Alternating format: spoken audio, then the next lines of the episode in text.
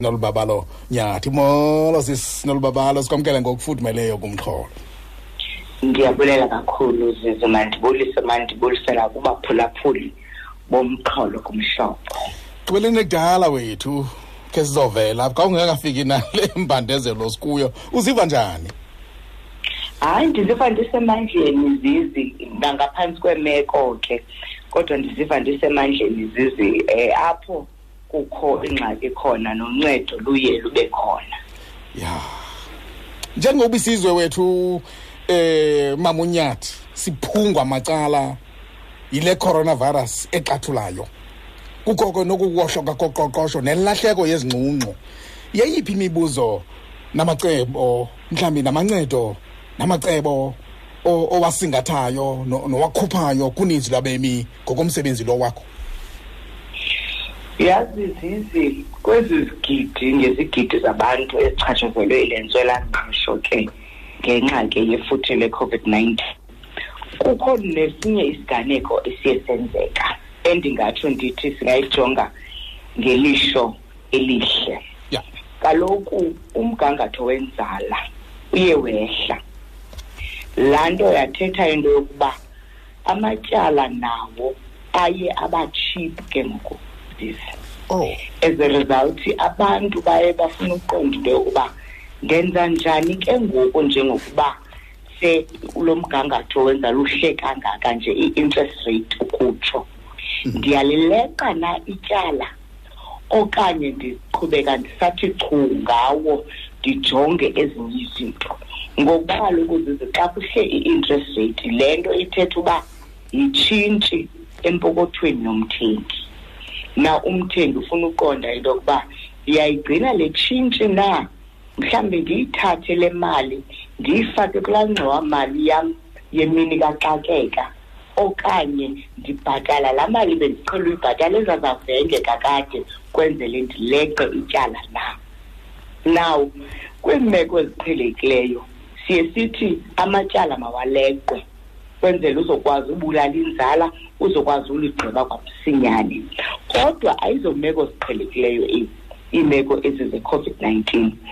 and as a result zizi umntu ufuna ujonga uba yintoni ebalulekileyo kuqala yeah. and iinto ezibalulekileyo kwixesha likaxakeka ujonga izidingo ezingxamisekileyo iinto ezifana nokuba kufuneke sibe nendawo yokuhlala kufuneke kubekho ukutya kule ndawo sikuyo abantwana kufuneke beye esikolweni amanzi umbane njalo njalo njalo njalo therefore ke ngokuzizi ngeziphi ezinye iindlela zowujongana ngqo namatyala kuba omnye uzawuthi ndiphelelwe ngumsebenzi omnye uzawuthi mna ndiphelelwanga ngumsebenzi kodwa umvuzo wam bawuhlise ngehafu yonke ithini isolution xa kunjalo ya xa kusithiwa ke umzekelo bangaphezulu kwizigidi ezithathu abaphule nemisebenzi ngenxa yokuvalwa kwamazibuko thetha ke ngokwakunqanyulwa koshishino nomyalelo wokuba abemi mabahlala ngendlu kubashiya abaninzi mamunyathi bekweyiphi imeko bafanele ukuba babe nethemba laa nto zizi kufuneke ngoku sixoze mphini wumbi hmm. ngabantu ngoba khumbula i-covid-19 ifika sekumoshakele kakade yeah. ifika sesintyumpantyumpeka kakade kula matyala sisa kule 25 million yabantu abanamatyala i-ten yonke zizi ibiseyisokola kakade ubhatala nditsho izavenke ezi okokuqala okwesibini oosomashishini abakhasayo zizi bebehleli besokola kakade besokola iindaba zee-funding besokola iindaba zee-training besokola nje uphuhlisa nje kwa oosomashishini aba also zizi intswelangqesho ibiseyime ngenyawo kakade apha emzantsi afrika mm. loo nto ithetha into yokuba icovid ifike nje yaveza iingxaki besihleli sinazo kakade ayiqalanga phantsi ivele nje yafika yazenza worse therefore le nto ithi ke ngoku zizinto yokuba kufuneka sikhe sibe nobudlelwane nezezimali zethu ngoba thina siluluntu oluthi xa luyothatha ityala awukhe uhlale phantsi nebhanki okanye nombolekisi mali ukhe unegotiate kuba kutheni um inzala yam ingu-fifteen percent hmm. ndifuna unegotiata ibe ngu-seven yenza umzekelo asizenzi iintetho ezinjalo asifundi kwala maxwebhu siwasayinayo xa sithatha la matyala la maxwebhu achazayo into yokuba mhla waze awakwazi ubhatala uzawublacklisthwa ngohlobo oluthile mhla waze waphelelwa ngumsebenzi ungenza oku noku noku so into yokuqala ngokuzize kufuneke siyenzile into yokuba umntu akhe aye kweza kula maxwebhu kweza contract zakhe hmm. akhayokhangela into yokuba kumisa njani kum ngoba zizi xa uphelelwe ngumsebenzi and ndizawungena nqo apho kufela ithole khona xa uphelelwe ngumsebenzi zizi ityala olibhatalayo before ke even uphele umsebenzi lihamba ne-inshorensi i-inshorensi mosityala linobomi balo njengokuba nawe ungumntu unobomi uhambe uyothatha i-life insurance i-insurance yobomi leyo netyala enobomi balo ikukho i-insurance yobomi beli tyala hmm. oyithathayo njengokuba eli tyala elusalibhatala kwenzele ntoni izizi mhla waze waphelelwa ngumsebenzi ubuyela apho ubuthathe ityala khona ufike uthi ndizowufaka iclaim ye-credit life insurance andisaphangeli ngoku okanye emsebenzini andisarholi laa mali bendihola icuthiwe imali yam as a result ndizofaka iclaim yenza ntoni la inshorensi zize njengokuba usahleli phantsi usakhangela omnye umsebenzi okanye usazama ezinye iinzame zokwenza impilo ikhabe ibhatala izavenge zakho for iinyanga ezi-between six and twelve months abantu abaninzi ke zizi banayo le inshorensi bayayibhatala phaa kwezaa zavenge qha ke ngoku benze ntoni abathengisi neebhanki bazisela nto kuthiwa yi-payment holiday sibona ngokabathengi bayamfimfithwa ziibhanka kuthiwa hayi ungakho uthathe nje umhlala phantsi kancinci for umzuzwana ungabhatali uthathe ikhefu phofu ungabhatali and then xa kudlile i-three months okanye six months uphinde ubuye ke ukuthi kodwa ingxaki apho zizi inzala seyihambe yahamba yoya le ngapha kunoba ubuye uyawubhatala engatyala so zikhona iindlela zizi especially le ndigqiba uthetha ngayo ngoku yokuba abantu mabafake laa claim ye-credit life insurance bangathi yho ndiphelelwe ngumsebenzi bathwale izandla entloko umntu angazazi nokuba uza kuqala ngaphi especially zizi umntu othathe ityala from August 2017 uzotsho namhlanje yaba automatic la credit life insurance kanti olithathe phambi kuka-august 2017 ufumanisa into yokuba kwezinye iindawo bayakubuza uba uyayifuna nale insurance okanye awuyifuni na and then ke ku omnye uzawuthi ewe omnye uzawuthi mhlawumbi athi hayi andifuni mna le insurance but ixesha elininzi abantu banayo le insurance zizi bayayibhatala kodwa namhlanje abayazi noba ingabasebenzela ya ibubulumko mamunyathi eyokuba e, mhlawumbi ifanishala yakho netyala ngayo uyibuyisele apho wawuyithenga khona mhlawumbi yimoto iphindisele ebhankini ayiyolahleko leyo awuzukubhaqa mhlawumbi izomokabokana netyala e, eliyintsalela le nto obuyithengile ingasekho ayibobulumko zizi ngoba okokuqala xa ubuyisa into evenkileni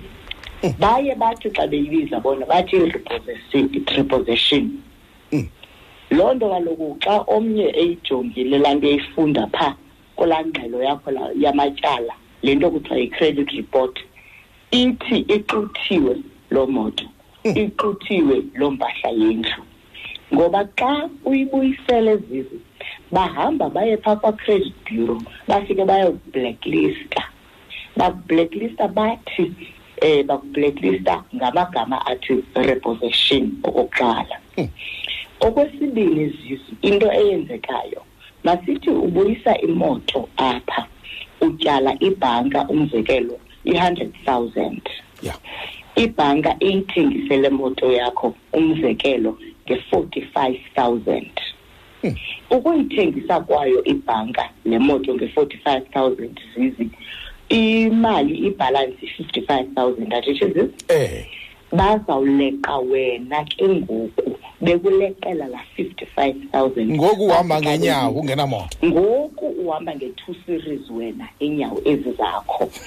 bathi zizi eh uyabatyala i-55000 bathi yi-short fall xa beyibiza so ngoku uleqelwa la 55000 imali iba nenzali iyanyuka iyanyuka ngapha ublacklist iwe ngapha awunayo kwaloo moto leyo so ayibobuchule sisi ubuchule sisi nabo hmm. umntu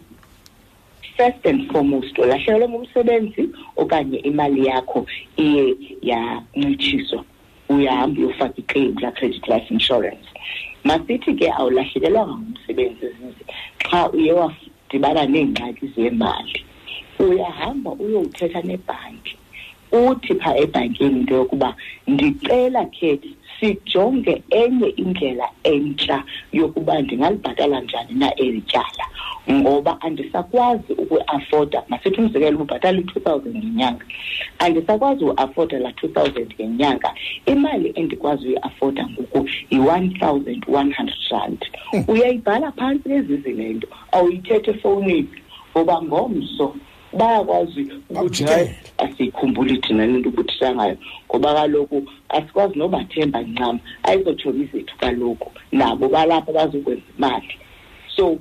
kufuneka ubhalile phantsi kwenzela into yokuba ntoni izizi ngomso xa bezama uthatha amanyathelo ingathi aqatha ukwazi ufaka izikhalazo na uthi hayi kaloku imani ndandizile ngaphambili ndazothethisana nani anafuna umamela anikwazi ke ngoku ufika nizofuna ukwenza um ngathi khange ndize ndizothetha nani so uyakwazi ukwenza iinzamo zizo also kaloku zize masikhumbule urhulumente uye wavula i-u i f yeah. for abo balahlekelwe ngumsebenzi ngoba kaloku indaba yolahlekelwa ngumsebenzi ayipheleli ematyaleni qha hmm. ukutya umbane amanzi izikolo ezo zinto ezo zifuna imali sisi and ixesha elininzi apha esouth africa siye saboniswa into yokuba asingobantu babonga imali thina asinazo savings nomntu senazo ii-savings senayo ingxowamali yemini kaxakeka uphinde athi xa umhlobo wakhe etshata aphinde ayowuthatha kwakulaa mali ngoba kaloku kuye um yi-emergency ukwenza inwele yi-emergency uthenga isuti uyayiva ke ukuze so singabantu abathi noba sesiqalile ukuthi siyonga imali siphinde siwuthatha kwaphaa ngoba iyasithukuthezela imali xa siyibona ihleli phaa so u-covid-19 ke uyasifundisa ukubaluleka oseyiva imali laa nto yayithethwa ngoomakhulu bethu noomama bethu nootata bethu besithi beka imali uyibekela imini yemvula imvula ifikile ezini ngoku and siyabhekabheka uba singenza njani na i-u i f nayo iye yakhona qha ithi ke ngoku le nto wena ungumntu awuhambi uyoziaplayela ngokwakho ngumqeshi wakho oye ahamba yofaka isicelo se-uif esifaka on your behalf eyi uyabona ke nokuba mhlawumbi ukhawuleze wayewuzibika apho kwadleta khona ukuba eh uba unengxaki ukuba ke ngoku ubethwe embonjeni ukhatywa kubhebhethwa uza kufana uthini bethu ufana mthanyana awoya kwezinye zezindawo kuba ke ngoku kaloku ilahleko endaweni yengeniso ulahlwa kwesinomhla futhi ke kuye mhlawumbi ukhokhisa into yoba uzikreqele mhlawumbi emsebenzini ayikuba uphelelwe ngumsebenzi kodwa umsebenzi ulahlekile ngayo imaxesha ukho laa nto kuthiwa yi-constructive dismissal ufumanisa uba kuthiwa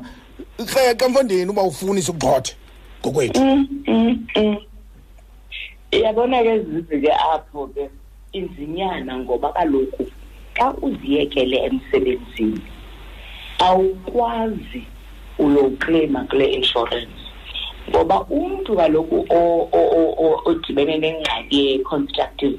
dismissal ngulo funeka ayowuqala kwasiseme icala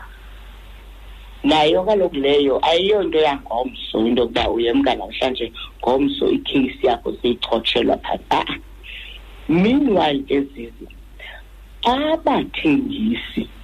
neebhanki nababolekisa imali bazise into ekuthiwa yi-payment holiday hmm. ihamba njani ke le payment holiday zizi kuthiwa uzawuthatha iholiday mhlawumbi yenyanga ezintathu bayi-introduce njalo kuqala ukuqala kwe-covid nineteen bathi for three months um siza kupha ixesha lokuba ukhe udibanise uhlangahlanganise into zakho hmm. emveni koko now that bebonile uba isimo sibi bayi-extendile zizi to six months laa nto ithetha into yokuba for iinyanga ezintandathu awubhatali meaning ukuba ityala lakho belingu-twenty-four months ityala lakho seliya extendeka ke ngoku zizi selingu-thirty months qha ingxaki iphi ke ngoku zizi hmm. njengokuba umile wena izavenge zimile for six months inzala yona imanga hmm. iyaqhubeka inzala and ke ngoku indlela inzala esebenza ngayo enye nje indlela nje estrange nje because ivele nje inyuke inyuke izuzi ibaleke enye nje imarathon before you know it elaa tyala lakho selingaphaya so i-payment holiday zikhona but ndifuna ukuthi ke kumnazisi into yokuba eli ixesha lixesha lokuba umntu akhe ajongisise iimali zakhe yokuba iimali zam ziyaphi kanye kanye hmm. iyaphi imali yam xa ndirhola mna ndim oyixelelayo imali yam uba mayiyephi okanye ndiye ndithi xa sekupheliye ndizibuza he iyephi nale mali ngoba ixesha elininzi izizi kwalapha kule misebenzi yethu umntu nemasingcwabane apha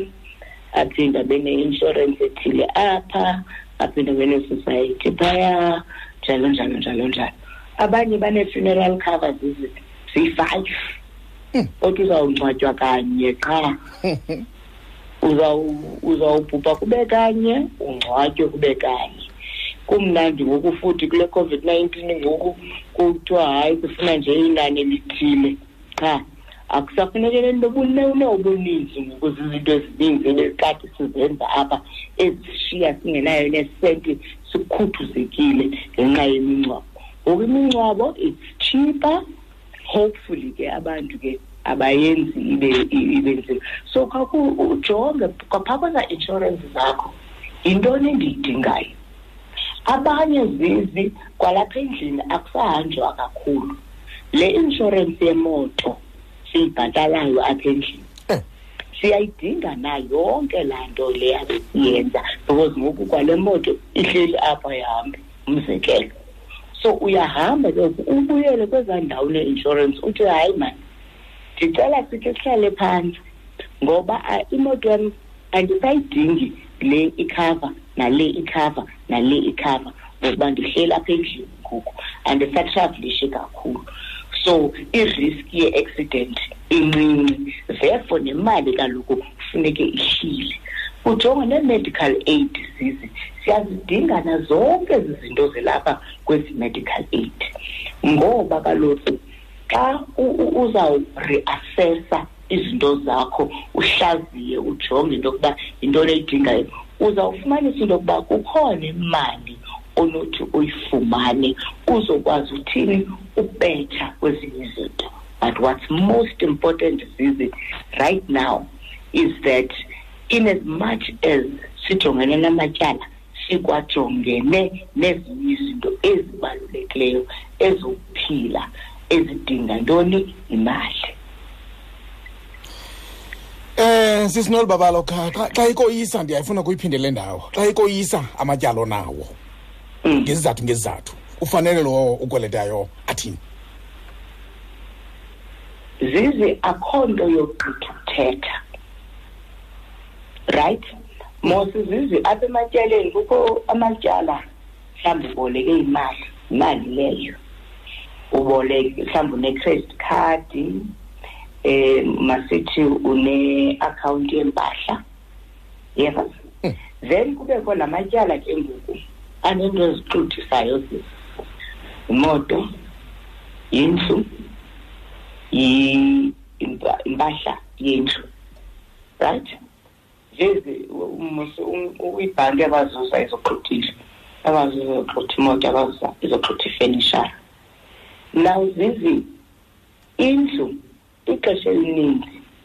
abantu zize baye babe nento yokuba masithi izavenza zakho zindlu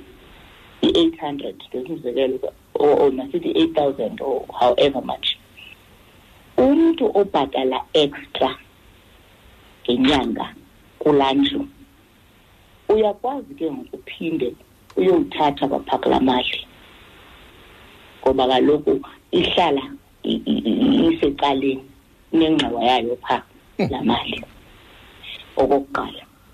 but most importantly zizi umntu kufuneka eyile ayowuthetha nomthengisi ngoba into ebangela uba abantu baxuthelwe izinto ebangela uba abantu ba-blacklistwe it's because zizi abathethi ngoku umthengisi ucinga uba uyabaleka lo uzama ubaleka hmm. and ikhumbula kaloku also xa ublacklistwe zizi nothing stays forever ucredit bureau yeah. ndiyafuna khe siyiqinisise lo mba the most i-blacklisting ehlalayo kwa-credit bureaus zingu-five years mm. nakhona la five years kuxa eh bayathanda ukubhekisa for five years kumatyala amakhulu mhlawumbi indlu imoto njalo njalo kuxa umthengisi okanye ibhanki behambe baya ecourt ixesha elininzi zizi laa blacklisting ihlala unyaka twelve months emveni kwe-twelve months zizi iyasuka laa nto automatically zizi usuke la blacklisting leyana egameni lakho and ke ngoku umthetho zizi awuvumi ublacklisthwe more than once for ityala the same debt mm. so ukuba ubublacklisthwe masithi yivenkile yempahla yasuka la 12 months yaphela la 12 months yasuka la blacklisting ityala mhlambi ube ungekaligqibi ulibhatala awukwazi ke ngoku uva kuthiwe abaqokeleli mali ii-debt collectors ke ukutsho okanye amagqwetha aphinde akublacklista for ela tyala ayisebenzi njalo sisi uya kanye nje qha ube ugqibile after that liyasuka automatically umntu ofuna ulisusa la blacklisting before la 12 months okanye before la 5 years funeka alibhatale aligqibe gqiba kwakhe ukuyibhatala ayofaka i-proof of payment um laa nto ichazayo into yokuba mna sendigqibile ngokuba ubungqina obu uba eli tyala eli ndiqalisekho mm. alisekho uyacinywa kokuzizwe noba kuafter inyanga ublacklistiwe three weeks njalo njalo uyacinywa zize but into ebalulekileyo into yokuba uyakwazi ukuya ebhankeni okanye kumthengisi uthi andikwazi ubhatala ityala ndicela eli tyala lam njengokuba ibiyi-thirty six months nje silitsale lityala libe ngu-forty eight months okanye nindiphe ibreak ye-six months ndisafuna umsebenzi after i-six months ndizawubuya ndiqale phantsi ukulibhatala ngoba ezi payment holidays zizayondwintsha yinto kudala ikhona qha bakhethe ukungxola ngayo ngeli xesha le-covid-19 phofu ke xa sele igama lakho ke lishisa langa phaa ku-credit bureau um eh, lishengisa njani ngokulula mamunyathi ngaphandle kweendleko zokusebenzisa amagqwetha sendicela ke utsho uthi bhatala ityala olugqibe ikhona enye indlela mm. yokulisusa eli gama uba uzawuthi kukho ityala selingasekho kodwa lisatshila lona igama lakho ba ubumnandi zizi ngoba umthetho wawo watshintsha ngoku hmm. because kuqala ubulidinga igqwetha ibisithi into kaloku sithi fumela amagqwetha ukufaka nawo bozifunela wakho for uphuma kodwa ngoku umthetho wabona uba no mani siyabasokolisa abantu apha sebebhatela abantu ngoku baxakene nale ndaba ngoku yamagqwetha awudingi kwagqwetha ke disi for ususa igama lakho pha kwa-credit bureau qha apho ixaka khona ke ngoku zizi uxa umntu ezifake kulaa nto kuthiwa yi-debt counselling oh. debt review andikwazi noyibeka ke zizike ngesixhosa ke ngoba le nto entsha nam ndisalikhangela nam igama lesixhosa kodwa ke abantu bayayazi i-debt review kakhulu ngoba ixhaphakile yona ke zizi ke inzima xa sowufuna ukuphuma especially ungekagqibi okanye ufile into yokuba hayi mani bendingayiqondi uba ndizifaka kwesimnyama isisele ndenza umzekelo hmm. kufuneka amagqwetha ke akho ngoba yiprocess yecourt leyo but xa yenziwe ngendlela erayithi niunderstandana wena ne-dead counselor uye uyibone na uba hayi mani yinto endincedayo lena xa ndizawuthatha ibreak ndingathathi matyala for at least five years but umntu nje oblacklistiweyo nje normally zizi uthatha nje ubungqina bokuba ndibhatele irisithi leyo yincwadi ephuma apho ubhatele khona because sometimes zize ufumanisa into yokuba uyilindile ngoku le ncwadi ichazayo uba ndigqibile ubhatala ayide ize nereceipt uyayithatha nayo zize uyise phaa kwa-credit bureau ufika phaa credit bureau uthi ndigqibele tyala ndicela nindiceli i-credit bureau zizi ine-twenty business days ixesha engangenyanga elo lo uqinisekisa into yokuba le risiti yakho yinyani oh. kwaye kufuneke beyicinile uthi ke umthetho ke credit bureau xa ungade ubufumanise ubungqina susokolisa umthengi kaloku susa laa nto anyway so whether zizi bayifumene ubungqina bubhatele nyhani okanye bakabufumani after twenty business days zizi laa nto leyo izabe icinyiwe ingasekho egameni lakho hmm. hey mama unyathi udaba lokuzeyiyelisela ematyaleni tshona ungaveli nokondwele sesinye sezizathu e, ekuthiwa zikhokhelela kwizaqhwithi ke zokungcungcuthekisana kwamaqabane nabajadileyo makhaya ke udibene kangakanani nayo le meko apha ekuhambeni kwakho ezo ngxaki wazisombulula njani bethu nengengcebiso xa zezizwa kuwe kaloku zizi ikabini le nto xa ukhe uzibuze uba sentyumpantyumpeka nje umntu ethe gabgeje unikwe ngubani elo tyala nalo matyala eh. akana-responsibility na lo unikezela ngetyala ngoba kaloku zizi ikhona into ekuthiwa yi-reckless landing she umntu sengene akavela nangonwele it means zizi ukhona othe eyijongile le meko wathi hayi mandinyengeze nam ngoku sekukubi izisi wanyengeza naye khona ohendileyo ohendileyo utsho eke so ufika nje kule meko ukhona ubhanka okanye ivenkile okanye umbolekisi mali onyengezileyo wathi hayi nam andibalo kwaba abatyalayo so xa umntu eza ke ngoku nemeko yontyumpantyumpeko zizi yenye yezinto endiye ndizijonge sizijonge ukuba qala ingxaki kabani ngeyakho na okanye ke ngeyomthengisi ngokuba uba yeyomthengisi zizi it simply means into yokuba e awusatyali kokutyala ngoba bekumele uba awulifumenanga kwasekuqaleni kodwa ke zizi ke xa sibuyela kule yamaqabane hmm. kuthiwa zizi one of the main causes of divorce ngaphandle kokrexezo ziingxaki zemali ngoba kudibana abantu ababini apha njengoba bedibana abantu babini zizi bathetha ngayo yonke enye into ngaphandle kwemali ngoba kaloku uzawuva omnye sithi uze emalini okanye uze ethandweni mhm. ibe kanti into ayisuba uze emalini umntu xa ufuna uqonda into yokuba lo mntu lona uxabise ezaa perfume nezaa suit nezaa rim zamavili okanye uxabise into yokuba sizawukhula sakhane ukuthi mm. isakhane njalo njalo mm. so xa abantu bengathethi ngemali zizi phambi kokuba batshate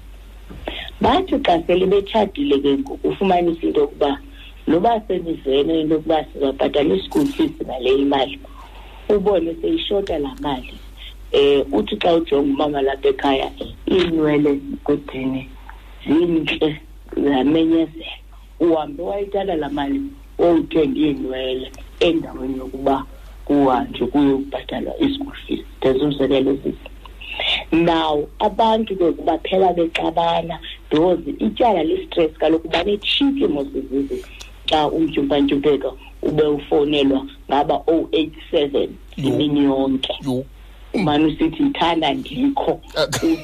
ndikrokrelwe nalapha endlini uba ngubani lo ungade umphendule umbalelo bhuti okanye lo sisi lo ekela so ngoku zizi into ebalulekileyo kukuthetha si-andastendane ngoba ungafumanisa into yokuba kufuneke sifikelele kwisigqibo sokuba izinto ezibalulekileyo apha ezifundisa imali kufuneke zihoywe ngumama walapha ekhaya ngoba utata walapha ekhaya uvela yena nje abe excited athengele wonke umntu izihlangu mhm. mayihoye ke ngumama walapha ekhaya umama walapha ekhaya nguye okwazi ucwangcisa athi senza olu hlobo ngemali okanye kubekho into ethi sizawufaka sonke imali ethile endaweni ethile uzawuba ne-pocket money nam ndizawuba ne-pocket money le pocket money izawubakho xa sesigqibile ukwenza i-responsibilities zethu njalo njalo njalo njalo so ukuthetha zezi kubalulekile nkunzi ngoba kaloku yinto e, sometimes zize omnye aphangele omnye akaphangeli hmm. as a result lo uphangelayo ngoku uzibona ingathi unamandla and laa nto leyana sometimes ide ize nayo ne-abuse yokuba uzibona ingathi unamandla kanti ukuba nemali does not necessarily mean zize uyakwazi uyiphatha ngoba it's not about imali it's about uyihendisha njani le mali yimalini eshiyekayo so hlalani phantsi kulaa marriage counseling abantu bazihambayo nemali yinto ebalulekileyo ekufuneke kuthethiwe omnye zize ubhiliva ematyaleni mm. omnye ubhiliva into yokuba hayi izinto mazithengwe cash mm. ngoba kaloku lo ubhiliva matyaleni ala uthi ndiyifuna ngoku laa fridge ndizayibhatala ya three hundred rand for i-thirty six months lo ungakholelwe ematyaleni uzawuthi hayi masiyilinde le fridge silinde siyibeke la three hundred rand i-ten months kwenzela uba sizoyithenga cash mhlawumbi athi masilinde ide ibe seyileyini nantso ke mamela futhi ke zizimamela yabona ngoku siyayazi every year ngonovemba pha kulaa lwesihlanu wokugqibela unovemba mm. kukho laa nto kuthiwa i-black friday yeah. kukho abantu bezizi abanobuchule bemali already seyazi uba apha endlini noko kudala siqhuba ngale tivi incinci noko sifuna ukhe sithenge itive kuyo uyazazi uba uzawulinda la black friday qha omnye uyazazi into yokuba istationary sonyaka ozayo sabantwana sizazithenga nini xa black friday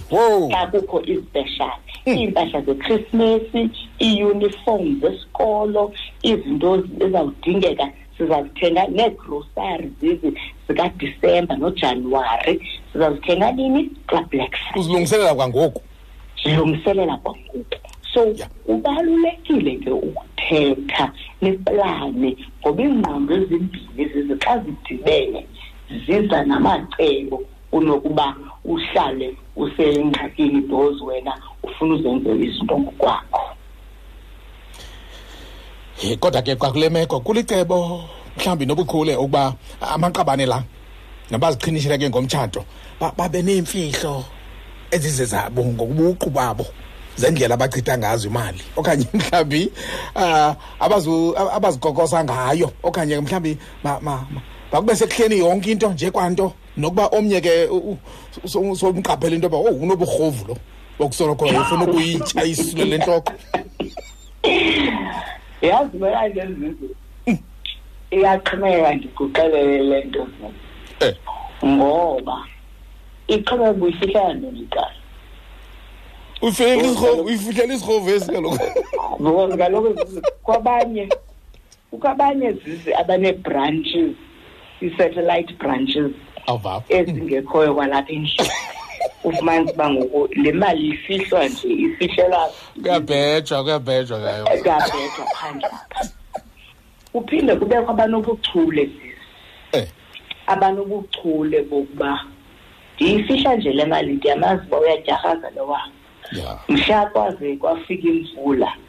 izawuba ndim othi hayi ungakhathazeki ikhona ebendiyifihlile mm. iza sikhupha kule ngxaki sikuyo yeah. so zizi imali yoko yokuba indaba yokonga imali xa uyonga imali abe mhlawumbi iqabane lakho libe linguginya zonke ayonto imbi ukufihla ya tuzisi ngokuba ukhusela kwayena lowo angayibhaqi ngoba lokusana ukuyibhaqa kwakhe yenye ingxaki futhi umbethe intloko yes and also zizi mm. abantu abanjalo zizi baye bangakwazi ukulungiselela ingomso baye bangakwazi ulungiselela into ezifana nokufa mhla waze wemka emhlabeni sizawufika sizawukhamisa sijongane apha ngoba lo mntu uyitye wayisulela intloko uyayiva sisi ndikuva kakuhle so kubalulekile into yokuba xa ubona uba ee ingathi sizaba zengxakini apha zininzi izinto zizi kukho nee-divorce zizi kukho nee-disability hmm. xa mhla kwaze kwafumaniseka into yoba there's a disability sizawuqala ngaphi ushukuma so ayonto imbi kakhulu wena zizi xa uzama ukulungiselela ingomso ngoba imali imali ayondityiwayo maniphele imali imali nantsi into okufuneka sikhe siyigcine nemali njengokuba ndirhola nje imali ndiyirholela uba mayithini ndingathi ndisebenze kangaka ndisebenzele omnye umntu omnye umntu oyibhanki ivenkile kutheni ndingathe le mali yam ibe yinto endiyikhulisayo nje kwenzela uba iphinde izobuya seyibuya kathathu kanye kahlanu ndizokwazi ukhe ndikhule nam nam ndonwabe kule mali instead of ngoba nalo zizi uthi yho ndiblacklistwe ndifuna uphuma ufuna uphuma kulaa blacklist zizi kwenzela fika yozitshona yozitshona iwethu umamunyathi hey ba, basoloko abaninzi kwabantsundu bekuyihambo nzima kulalwa ngamanzi ngelixa ezinye intlanga mhlawumbi e, ezingeyo midaka imeko yazo ingembinini olo hlobo inomhlanga nale nto yobuchule bogcinomali um e, nokutatamisa amatyala ngendlela efanelekileyo ikwanobukhomokazi mhlawumbi ngomoza ngoomama bathanda uthenga ngetyala de mhlawumbi izinto ezingengondoqo abakaze ukusebenzisa uthenga xa uzawuke ithebe ukhe watsho xa uzawuke itheke uyathenga ufuna into entsha qho kanti uya kuyigqibela ngaloo mini kwinxiba heyi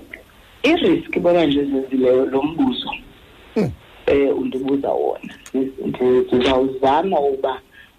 ndinyathele ngobuchule hmm.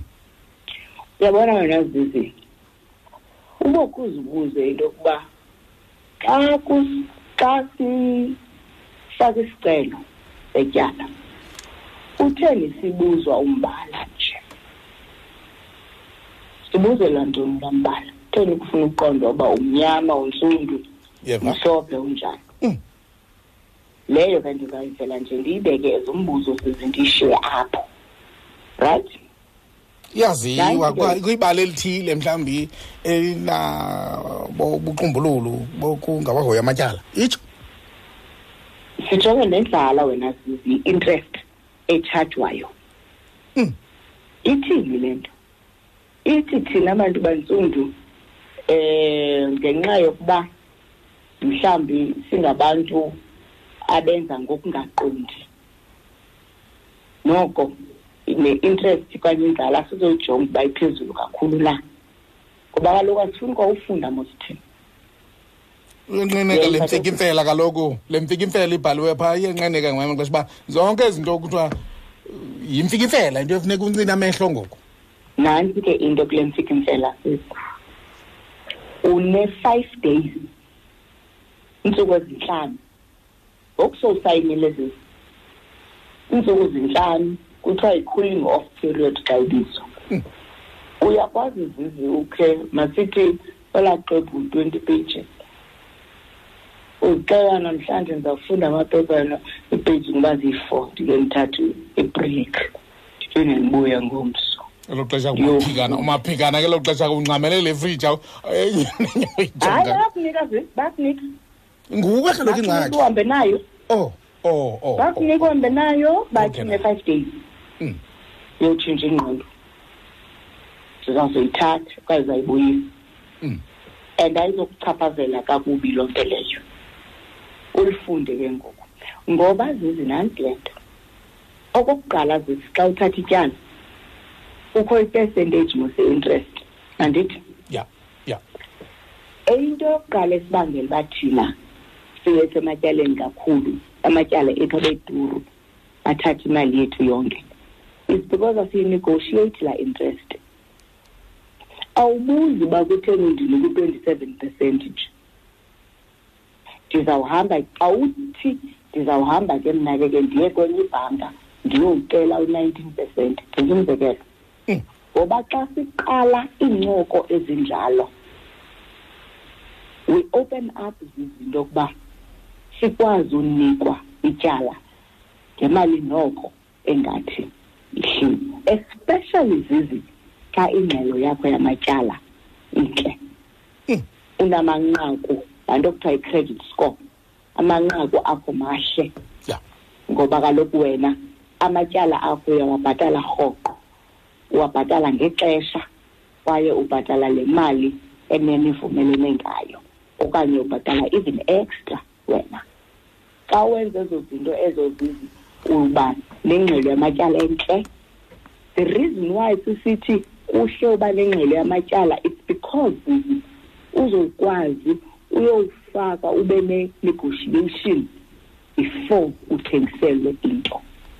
that's why sis it's not just for you uba ufumane elinye ityala qha okanye mhlawumbi ukwazi uqesha no It's also this so that uthi xa usowuthatha ityala ufumane i-interest rate ezincumisayo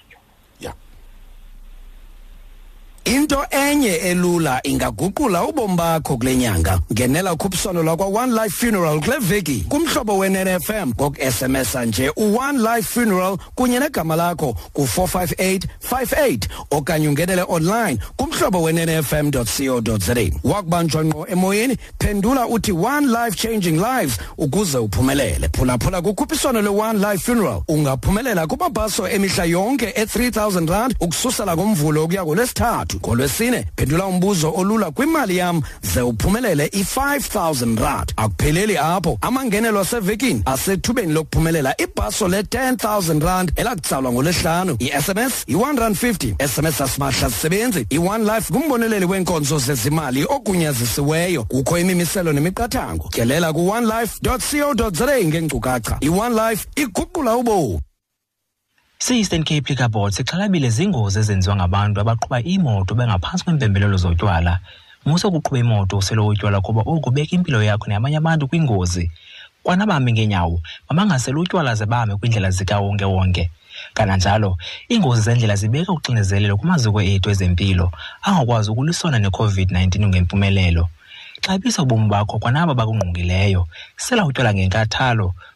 Lo myalezo nephatho le-Eastern Cape Liquor Board.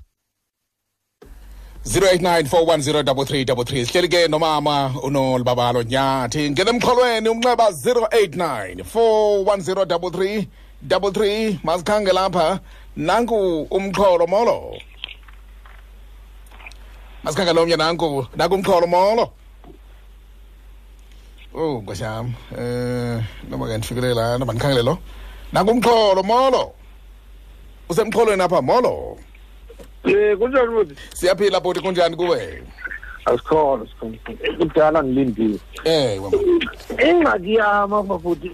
aze kuqala mani buphi um o ndisedurban eke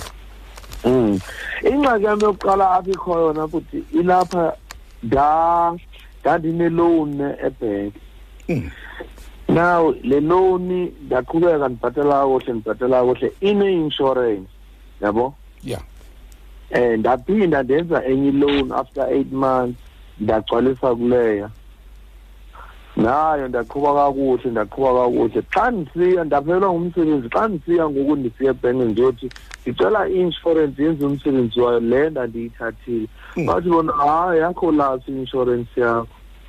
ndathi ndiyamamela lo sisi indlela acacisa ngayo eyi ayivakali hmm. kodwa khala ukwazi uba iinto ezinjalo uye wenze njani xa xa sintsho xa ujamelene nento enjalo namhlanje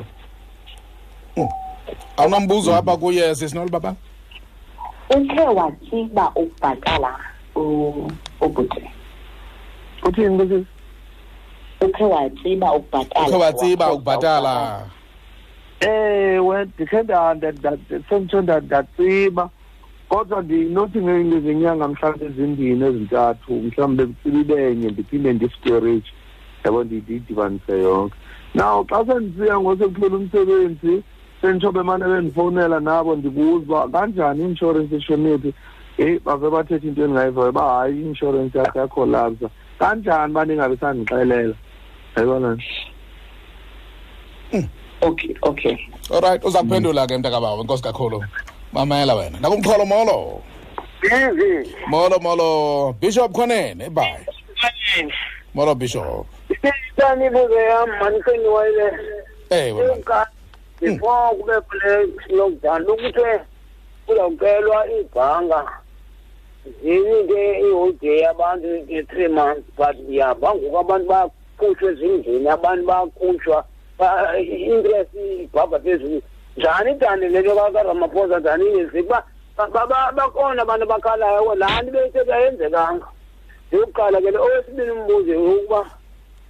um kukonento ebhonzi fundi neyi yandiqhaka fundi ndandikhala amaqhaza le nto yokuba uthi ubhatala kodwa imali ayihloko kokoko ayihli iminyaka ihambe ihamba njani dana le bonds ayihli imali tuku noba nakubhatala kule bond oko ime ndawoni inye yinto idani le ndingamandla ebanga uba ime ngokubhatala orayithi okay nkosi kakhulu bishop khwenene ebhayi masikhangela omnye nakumkholo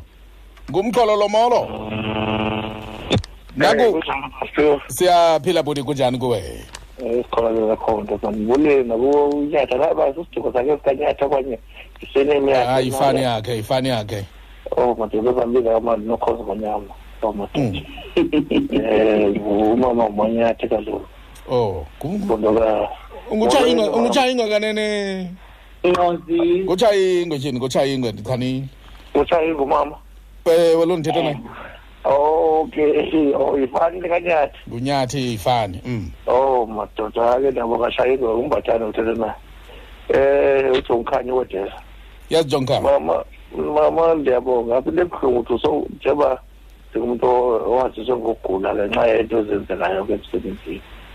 ngoku ingxaki ngoku ndenzela incwadi ke phaa ke ngoku ndiyisephawe ngoku apho ndinokhono yakho lityala ndiyenzela ikhampani ndiyihleke ngalokusayibeza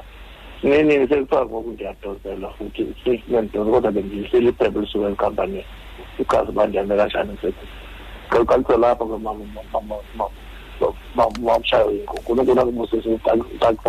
andiwuva mani umbuzo wakho uyamva wena sisinelo baba andiva kahle ncam khawuphinde mani khawuphinde jongumama uhambe ngogula emsebenzini eke ngokuyocela incwadi emsebenzini uba uyobhatala amatyala wakho umzekelo kofashop mm. uye nasezibhenki usele ncwadi bayithathe le ncwadi bakwenzele yonke into oh. uqoba into zakho zirayithi ngoko uthi uyabona sekuthiwa uyagoneta futhi ndikaqaqela kuloo ndaba yenza oh, okay inkosi kakhulu ke mbatshane masithathe omnye nangumxholo molo usemxholweni molo sifikile emxholweni molo ngumxholo lo molo masikhangele lo kugqibela sophendule nakumxholo molweni yini molo wethu espremfandeni tyhini molo molo ma masespringfontein um ndibulise nomama lo Mm. mala mama ndiyabulela uyazicacisa zonke izinto uzicacise nyhani kakuhle Mm. xa besinokuqonda sonke ngoba ezinye izinto zibhalwa ngesilungu ungavisisi ukuthi tu kwezi- kwezi kwezi shop zethu sithenga kuzo umbuzo wam ngulona ke ngoku kule kule ngxaki ngoba kaxaka sikuyo yecovid-19 yeah. abantu bephelelwe ngumsebenzi izithembiso zikagovernment ebezenzile uba abantu abazugxoshwa emisebenzini ngoba benezinto abazihlawulayo nezindlu abazihlawulayo kwacakuba ke ngoku le covid-19 ize nengxaki yokokuba abantu mabangaphangeli uthini na kuloo ndawo umama lo ngoba ngoku izithembiso zikagovernment kuzo zonke ezaa nto ebezithethile nokuba abantu abazugxotsha emsebenzini ziphelela phi na ngoba abanye bagxothiwe emsebenzini benaloo matyala bebhatala iinto zabo ugovernment wethu kwizithembiso zakhe ezi mali zirhwabhuliziweyo kule covid-19 ngoba nyhani ibhenxe zonke izinto le-covid-19 siyabubona ngoku bonke ubuqeleko bomzantsi afrika uthini ke ngoku kuloo ndawo ndicela ndimpendule kuloo ndawo uba baninzi ngoku abantu abangaphangeliyo wena tatuzisi ngenxa yengxaki yale nto iye yafika yasiwela phezulu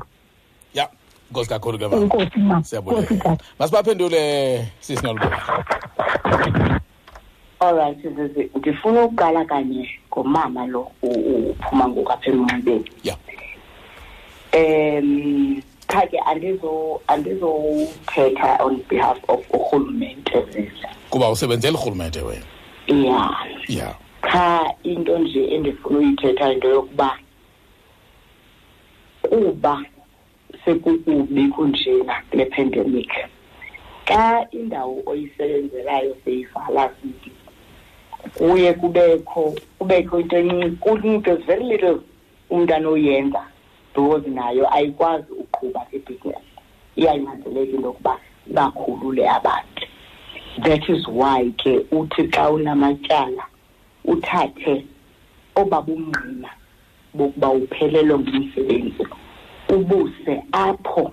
utyala khona kwenzela amatyala akho abhataleke hmm. that's the only way onceda uqala ngayo um umbathana ne hmm. lo uthethe ngoba uye wayeka emsebenzini wafumana incwadi ukuba ngenxa ye-medical conditions uyabona zizile credit life cover iyasebenza nalapha kwi-medical conditions hmm. into ekufuneka yenzile qha umbathana izethi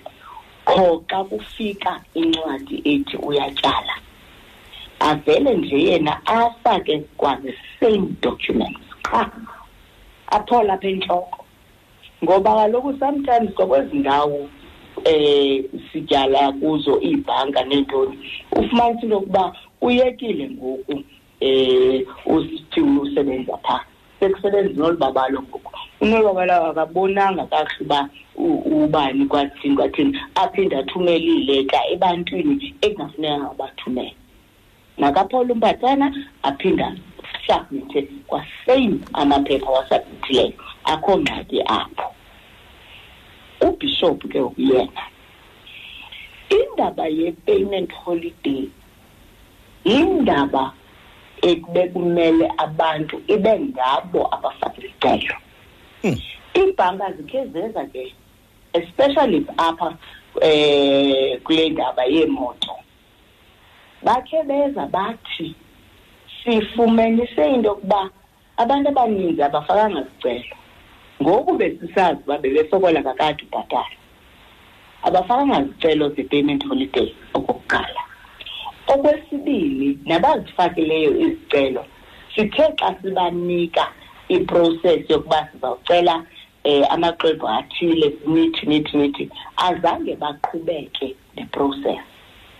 so i-payment holiday yinto ebekumele uba umntu akahlali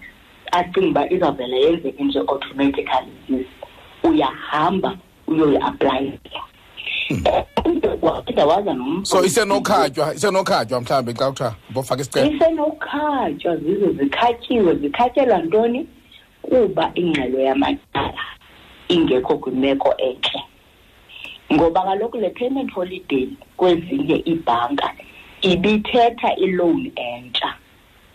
so masithi izavenge zakho yi-two thousand ngenyanga yemoto hmm. xa wena uzawudinga ukuba ufumane i-payment holiday umzekelo yeenyanga ezintathu bazawuthi okay siza kunika iloan ye-six thousand okanye siza kunika iloan ye-eight thousand hmm. kwenzele ntoni njengokuba ungakwazi ukhupha nje imali uzawuthatha enye iloan to cover ezi zavenge zakho ungazibhatalile so bezikhatywa ezinye qinisile zizo waza ke ngoku nomba wokuba ubhatala ibhondi apha kodwa le mali ayehle hmm. indaba yebhondi ke zizi yindaba etriki e, e, e, kakhulu because ufumanisa uba kule minyaka yokuqala imihlanu first five years yala twenty years ubhatala nje interest qha awasondeli nosondela kwindlu yiloo nto kuye kuthiwe xa ufuna uyileqa ityala lendlu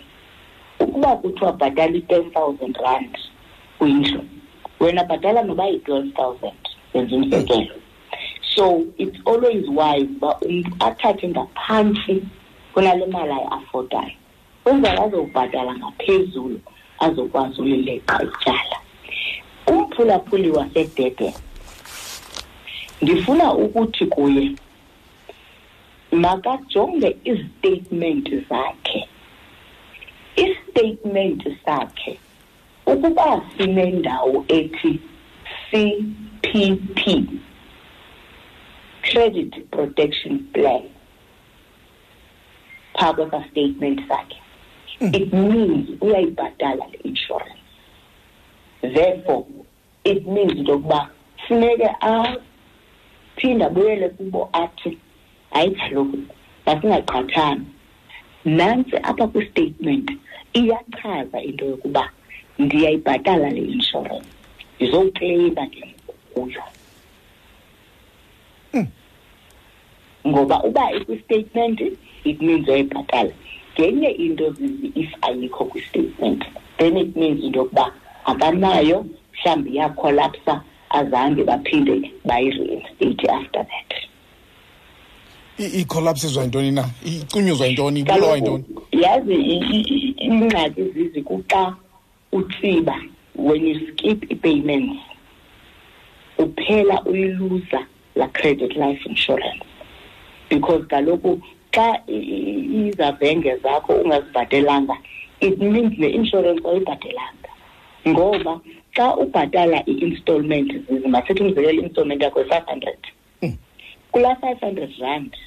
kukho imali encinci eza kula insurance hmm. kubekho imali eya kwi-interest kubekho imali eya kwityala xa ke ngoku ungayibhatelanga i-installment yakho it means ne-insurance yakho ayibhatelanga just like any insurance ezizi xa ungayibhatali iyalapsa oh ifana noba unowutsiba i-life cover utsiba iinyanga uzawuva kuthiwa ilapsile it means ke you are no longer covered ndiyathetha ukuthi ke ngoku kufuneka uphinde uyoqondisisa into yoba ivuke yama ngenyawo na okanye mhlawumbi iwile nyhani ya and the first thing efuneke yenzile kujonga istatement sakhe istatement sakhe sizamxelela istatement ke zizinto efundwayo ke ayonto ithi xa kufika uvele uyifayilishe nje into efundwayo imvlophe nesifestile kaloku eyi inqenela ya yabona laa mvlophe yafunda istatement is very important ngoba abantu bafakelwa iimali ezi-extra because abazifundi istatement akufunda istatement zakho funa ukuqonda uba yimali yantoni le yimali yantoni le yimali yantoni le zizi mna kuqala ndingunolibabalo ndikhe kwafuneka imaniseka uba ndikhe ndiyochopha phantsi ebhankeni sihambe line by line zizi ndifuna ukuqonda uba yimali etheni lena ofumanisa into yokuba iyatsalwa kuphinde kubekho imali ebuyiselwayo mhlawumbi kutsalwe i-one point eight zizi ibuyiselwe iyi-nine hundred and ninety iphinde kutsalwe enye iphinde kubuyiselwe enye into nje econfuzayo zizi engenzi sense kwafuneka sihlale sihambe line by line safumanisa uba ha-a nini mos ngoku nityala mna nina ngoku apha so funda istatement sakho understand uba uyiqondi laa nto uyifundayo hlala phantsi nomntu webhanga akucacisele hmm. ndibona nje ndiyatshiseka ndifuna uqhusheka lo mbuzo wezi 99 rand ubona seyithathiwe eh. kwiakhawunti yakho ebhankini itheni bayenza njani le nto ibhanki yona ivumela njani loba kuqhuzulwe imali kuwe ungayisanelanga ndawo yho zizi kaloku asibaninzi usana for uba ibhanki ijongane ne-ninety nine rand yakho zizi wena uyi-one injenalo kule nto zizi mm.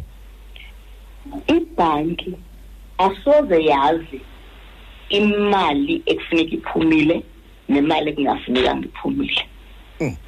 nguwe mnini akhawunti ozawuyazi uba ewe apha le mali iphuma ngendlela entle erayithi le imali yona noko ndiyaqhathwa and the reason why aba bantu aba ii-fraudsters ezithatha i-ninety-nine rand bezisenzela into yoba zisazi uba akho s m s izawufika kuwe akho in contact batsho zabantu benye uqala ku-hundred rand u-in contact amaxesha amaninzi mm. yes so kodwa ke zizi ndiyafuna ukuthi ebantwini kwezinye ibhanka xa urivesa laa mali kubakho ii-charges ufumanisa uba utsalelwe i-ninety-nine rand uyirivesela ninety-nine rand ibhanki itsala i-forty-five rand yayo reversal fee kukhona ezinye iibhanki ezawuthi xa zibona uba ingathi inkulu ngoku le ngxaki ye-ninety-nine rand zathi any amount oyirivesayo e-under two hundred rand asizowutshaja i-reversal fee mm. kodwa icebo leza-ninety-nine rand ukufaka isikhalazo laa nto kuthiwa yi-dispute yeah. ebhankeni ufake isikhalazo sala debit order sizikwenzelwa into yokuba ungazowusebenza each and every month nokuba sezitsale zabaninzi usenetshansi ebhankeni ufike that's why ndithi abantu bayajonga izitetimenti zabo mhlawumbi ukho imali pha isithonga nyana esithile esikulindileyo seza-ninety-nine rand zezi nyanga zidlulileyo mm. uhambe ufake isikhalazo uthi ndizofaka isikhalazo ukuthi niyistophe la debit order okokuqala okwesibini ndifuna imali yami ibuyiselwe ebhankini yam iyayenza ibhanka laa nto ibuyisele imali yakho istophe laa debit order kwenzela uba ingaphinde irane ibuye ngola hlobo ibithathwe ngalo ola hlobo ibithathwe ngalo kunzima zize ustop ifraud ngoba ifraud awuyazi uzawuthi igqinjani ngaphi abanye bathatha i-one rand qha zizi one rand ukhona omnye wathatha i-one rand from millions of people one rand qha yeva wenza millions and millions of rands ngothatha irandi qha ngena emxholweni kufacebook ikhasi umxholo umhlobo sisinolu babalo nyathi babhalile bakhweceza baphindisela simini phaa kufacebook befuna usondela kuwe ke bazokugibisela nabo imibuzo uzobahlangabeza ke njengoko benqwena nabo ke baninzi kunjalo nje ndibajongile ndizabatsala ke ngebhatyi kuba nabo kudala ke bendigqogqa kule ndawo ndikuyo ubonks ngejani uthi molweni bawuzizi ndicela ukubuza xa uthe waphelelwa ngumsebenzi ngokugxothwa ube ukweleta phinde ubuyiselwe mhlawumbi emva kweminyaka emibini ingabe lo tyala inkampani inelungelo lokuzibhatala eso sikweliti njengokuba ke uwine ityala kwiinkundla zabasebenzi libe ke likwehlule ngeli xesha ungasebenziyo utsho ke esegoli uyamva ke kodwa emva kahle hmm. eyi inzima zizi because kaloku ityala it's between wena no nomthengisi lowo ewe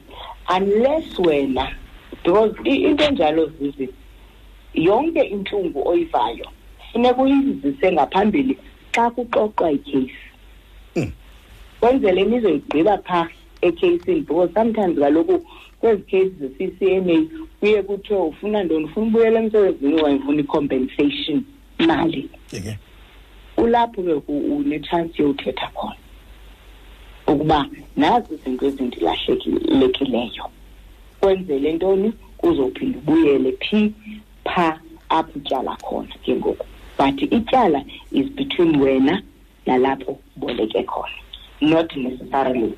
apho phangela khona e, enye indawo ke mhlawumbi xa kuthiwa uyiwinile ingqwabangqwaba imbambano uye ubuyiswela imali yakho yezinyanga zonke ubungekho emsebenzini so kulapho ke mhlawumbi noko unikwa amandla ke ngokuba uhambe uyolungisa iinto zakho futhi ke ngokuzizo xa sekunjena uya sowusithi apho utyala khona uthi ndizowucela i-settlement agreement okay apho ke ngoku kuloo settlement agreement zizo uyakwazi uthi nobutyala i-thirty thousand ufumanise uba nivana nge-twenty thousand hmm. uyithathe la twenty thousand uyoyifaka phaya liphelile ityala lakho kuba nawe unaso isambuku mali eke it's very important futhi zizi laa nto yokuba xa umntu enecash ayokucela i-settlement agreement kwenzela into yokuba uzowukonga kwela tyala ungayixelelwa ngomlomo mayibhalwe phantsi ibhalwa phantsi zizi futhi xa seyibhalwa phantsi ke ngoku ibhalwa phantsi sekusithiwa uneentsuku ezinga uthi ubhatale otherwise ibuyela back to laa mali ubuyityala uxolani mbendeni uthi ba udlamini ndiyabulisa ngale ntseni mna ndinalo mbuzo xa uboleke imali emsebenzini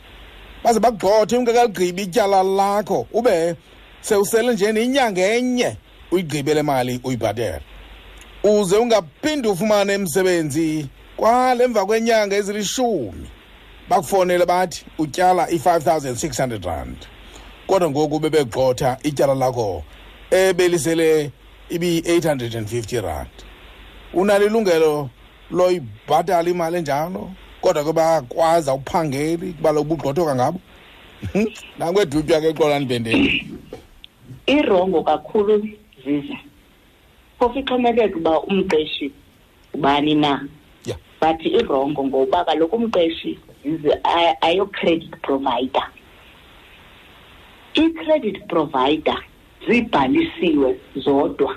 bathiwa aba ngababolekisa imali hmm. ii-credit bureau zabhaliswa zodwa kwakuthiwa aba ngabagcini beenkcukacha zamatyala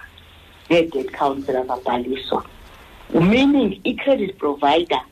inelungelo lokutshaja i-interest now umqeshi ngokomthetho akanalungelo lofaka inzala uyayibazisa eh ngoba kaloku ngoku sephume outside of indlela asebenza ngayo hmm. umthetho awumvumeli ukuba azenze i-credit provider engeyiyo so isikhalazo esi esivakalayo esinofakwa ngoxolana ngoba kaloku ndityale eight hundred eight hundred and fifty neke-eight hundred eight hundred and fifty qha in fact bekumele uba bainyuswe yintoni um ngela xesha bebemgxotha bathi sizokunika umvuzo wakho wokugqibela siyithathile eight hundred and fifty yethu qha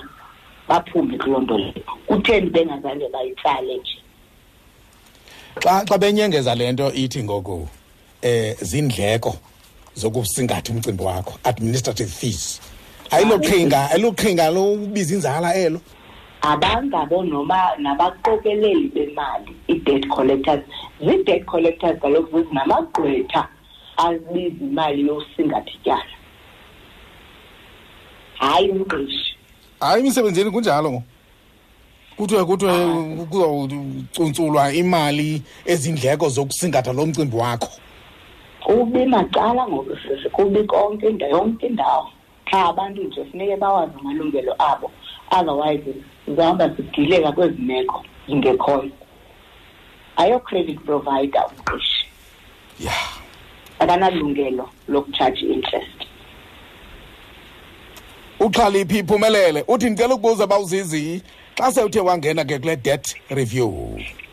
waqonda sewuphakathi uba a a a a ayisiyiyo uphuma njani i-debt review ayinazo neefestire zophuma mnyango mnye kuphela ngulo wobhatala ugqibe akho kwasikroba pha akho kutshintsha ngqondo pha ngenile ngenile so umntu funeka ayiqondisise laa nto engekangeni ezinye izinto zizi sometimes ufumanisa uba uqhathekile okanye mhlawumbi laa mntu bengarejistarishwanga uyakwazi ufaka isikhalazo ke ngoku then ke ngoku mhlawumbi uzawutransferwa kwenye i-date counselor okanye mhlawumbi uyakwazi uphruva into yokuba u-date counselor wathi ndi-over indeted okanye ndiyantyumpantyumpeka ndingekho over indeted hmm. but ziimeko ezijongwayo ezo um but zizinto ebalulekileyo into yokuba xa ungenile unzima uphuma that's why zizi umntu makayongena xa ezifunele yena sofowunelwa ufowunele kuthiwa hayi sifowuna sikubuluma indawo ethile sicutha amatyala ngubani owuthe ndifuna ucuthela amatyala thena uzandifowunela nje sufowunelwa sufumane i-invitation mayibe nguwe ofuna sirojwa olu hlobo sisi ifana nokubiwa kweemali zethu ezibhankeni molo bani ndifowuna ndisendaweni ethile ndifuna ukunceda ngento uveza bani hmm. zange andikhumbuli ndisiza kuwe mna ndizothi ndinengxaki kuthe ndizawuxelelwa nguwe nje uba ndinengxaki funeke ke ngokwamehlo athi gqa xa uzawufowunelwa mayibe nguwe umntu othi yeyi mandikhe ndiphakame ndiyofuna uncedo yabona xa kunjalo zizi uzawufumana uncedo ke olululo because nguwe umntu othe ozibonile ibudinga uncedo hayi ubufowunelwe kuthiwe um siyafofarisha iingxaki zethu ziqala apho into ethetha ukuthi ke zifune kwawena uba uyaludinga noncedo uyafuna noncedo endaweni yoba kuba kaloku ithi ifike le phone call ifike kumntu ebengazi uba kanti kukho amacebo okuba ndingangabhatali kangaka ubala ukuthetha kamandi lo mntu kanti uyeyela eyi injalo zizi kaloku xa xa usekoneni okanye sikutya isihlambi uyazi uba hayi no ngoku mandiyofuna uncedo kanti xa uzawufowunelwa uzawuphinde uzicinga uba he inoba ndinayo nyhani ingxaki ifana nalaa s m s izawufika ithi you have been pre-approved okanye you qualify for uzibona sowuqomekile kuyayidinga abantu le mali kahle kahle kodwa khanguye nowuyazini okanye uyile ebhankeni uqoma eyinginethi twenty thousand xa ufika pha kuthi he wethu uyazazi ubukhwalifaya for i-seventy five silukuthi phakathi thatha yonke la seventy five sinjalo thina singabantu so that's why ndisithi sufumane i-invitation suphendule i-invitation mayibe nguwe uye wazibona because uba invite eziya ziqala apho ingxaki zethu u unathi uthi mzwakali uthi molo msasazi mamele komonde hayi uyayibeka uyayityakatya usisi kwezi bhanka sibuzwa sixelelwa ngale inshorensi yetyala sasazi emva kwe-five years ndiblacklistile ndiblacklistile so ndiyakwazi uphinda ndiyokwenzela inye ityala utsho ke phaa itsomo unathi ndamphendula ke bona nje zizikuba ke funa ukuqonda eh. xa ingathi ngaske sibe luluntu olumuvayo from uthatha amatyala yebo sithi xa sesiklin siqoma okay ndingenza njani ukuba ndikhulise imali yam kunokuba ndiyoboleka because ixesha elinzi kaloku xa siboleka it means uba asiafodi laa nto ndiyaunderstand uba um kunzima uphila um uthenge indlu cash uthenge imoto cash njalo njalo but ezinye izinto manzizi noko noko okay ewe impendulo straightforward ewe ngoba kaloku xa sewucinyiwe zizo kulaa credit bureau iba ngathi khange uyayiva mm. iba ngathi khange akho nento ethi ebeke wazowuvela apha unathi a-a xa sewucinyiwe clean slate Hmm. kodwa kumntu bakalumka angaphinde afune uyogxampuza nkosi yam kulaa nto beseyekhutshiwe kuyo ndiyafuna ulumkisa olu hlobo sisa yabona umntu okhe wasiwa ecourt wablacklistwa for i-five years akalebhatale latyala apho atyala khona banalo ilungelo lothatha iganishi order hmm. yintoni iganishi order yilaa nto yokuba bayozithatha kumvuzo wakho baya ecourt bafike bafumane imvume phaa ecourt eyalela umqeshi wakho into yokuba phambi kokuba ufumane umvuzo wakho baza kutsala imali yakho so we must be very careful into enjalo yobaleka amatyala especially xa eye ecourt uyakwazi ke sometimes ke ufumanisa uba uyaqhasha xa ityala lingayanga ecourt wadlula iminyaka emithathu uqhashe ke njalo because kukho neminye imithetho engavumiyo into yokuba uleqwe ulandelelwe amatyala sekugqithe iminyaka emithathu ningakhange nathethisana nalapho utyala khona but xa beye ecourt kule minyaka mithathu yenza iinzame zokuba ube nendlela yolibhatala elaa tyala but ublacklisto kona uzawucinywa yeah. uneziwela ufutha uthi ndibulise braspitch nakusisinolo babalo yu ndiyamthanda lo sisi yayicacisa cela ubuza ke zizi andiphangeli oko kwangomatshi ngoku ivenkile le iyafona qho bathi mandiseleyo ndinayo nyhani ke ndiyibhatale but still bafona though besele sizenzile ke arrangements ah irritate man zize enkosi nako ekapa ke yena gawutsho yho a-a and kaloku ingxaki iziziye za-phone calls ne yeah eleke bekufowunela bekubhalela incwadi bekuthumela i-s m s kukho ii-charges ezithile ezikhatshwayo amatakane nje akhapha le mali uyityalayo makabaxelele unozuba hayi ingane kusana undifowunela ngoba ndizawuhamba ndiyondixela ngoku uba ndizama ukwenza imali ngam sizene ndiyabhatala hlukanam nam uba nihlukani nam ndizayonixela ke ngoku uzawufaka isikhalazo because ndiyafuna kodwa zizi uba uneziwe naye mane akajonge uba akanayo nale insurance ngoba akukho venkile okay ikhona ibhanka enye qha andizoyibiza ke ngegama khona ibhanka enye eyeza ngaphambili yona yathi abantu bam abanamatyala kum ndifuna ubachazela uba banale insurance as a result bangaze bazokleyima nathi siyile bhanka ithile siza kwenza iinzame zokuba aba sesibabona uba abasakwazi ubhatala automatically activate le insurance hmm. yiyo yodwa endiyaziyo inye kuphela so abantu mabaye bayokujonga first option yile insurance yobomi betyala credit life insurance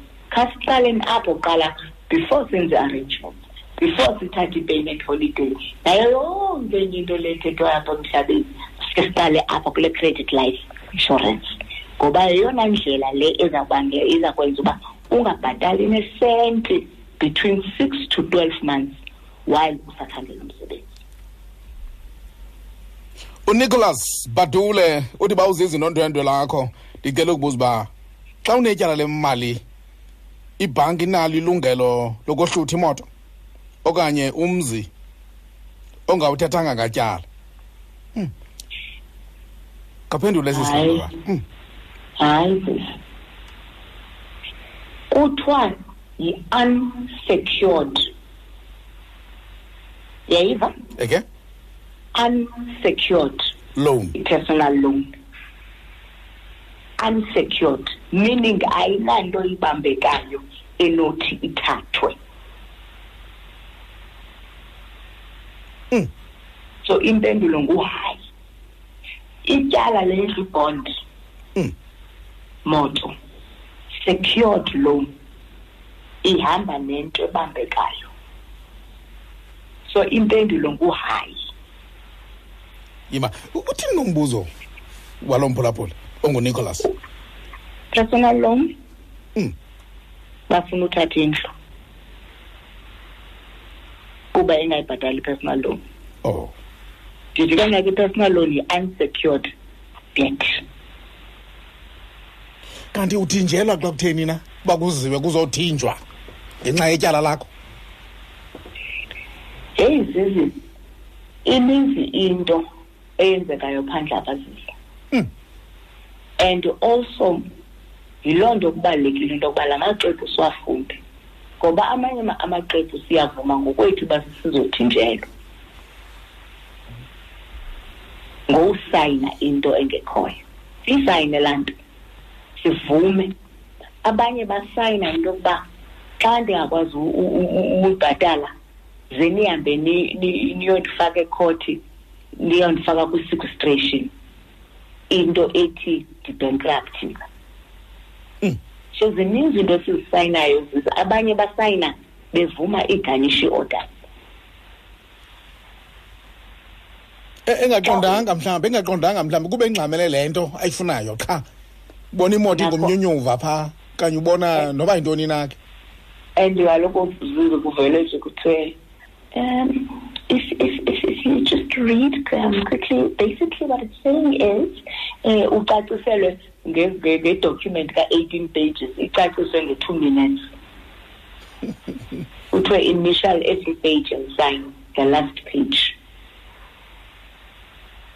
nawe usayini ubafrida masifundeni zizi nyameko mandlelize uthi bawuzizi ukuba selungenile ke kule nto yale debt review uphuma njani okanye ithatha ixesha elingakanani kwehlukana nawe le nto i-debt review zizi omnye umntu uzawuthi amatyala endixakene nawo yindlu hmm. yi-credit card ne-personal loan ziyi-five imthetho we-debt review uthi uphuma xa usowubhatele yonke into but uyakuvumela into yokuba ungabhatala yonke into kusheke indlu ngoba lokho indlu twenty years andithi naba uzawungena kwatetris ufake indlu ungahlala ne-thirty ne-forty years because kaloku ubhatala imali encinci which means ityala lakho liya-extendeka now bathi uphuma njani bhatala yonke amatyala akho ufumane i-paid up letters ingashiyeka ke kuyona indlu then siza kukhupha kwa-dead review uba akukho ndlu amatyala akho onke efuneka ebhatelwe then ke ukuphume eza process ixesha elininzi zidla ngothatha iminyaka emihlanu ezinye ziyakugqithela ezinye zibalele but it makes sense zizi because for ixesha elininzi ezi personal loan ezi abantu abazithathayo ezi overdraft ezinto idla ngoba zinto zima-two years so anyway so idla ngoba iprocess ehamba phaa koo-five years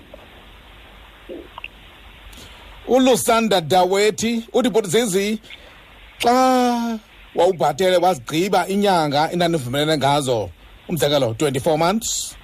ngoku uzibona solufonela kusithiwa bhatala i-admin fee phofu le admin yeyabo uligqibile ityala kuxa kutheni lusanda dawethi nako estellenbosch kuxa uzizi ulibhatela ityala awalivala awathi buyaphela ubudlelwane bethu mm. so ke ngoku bathi sisakugcinela kaloku ityala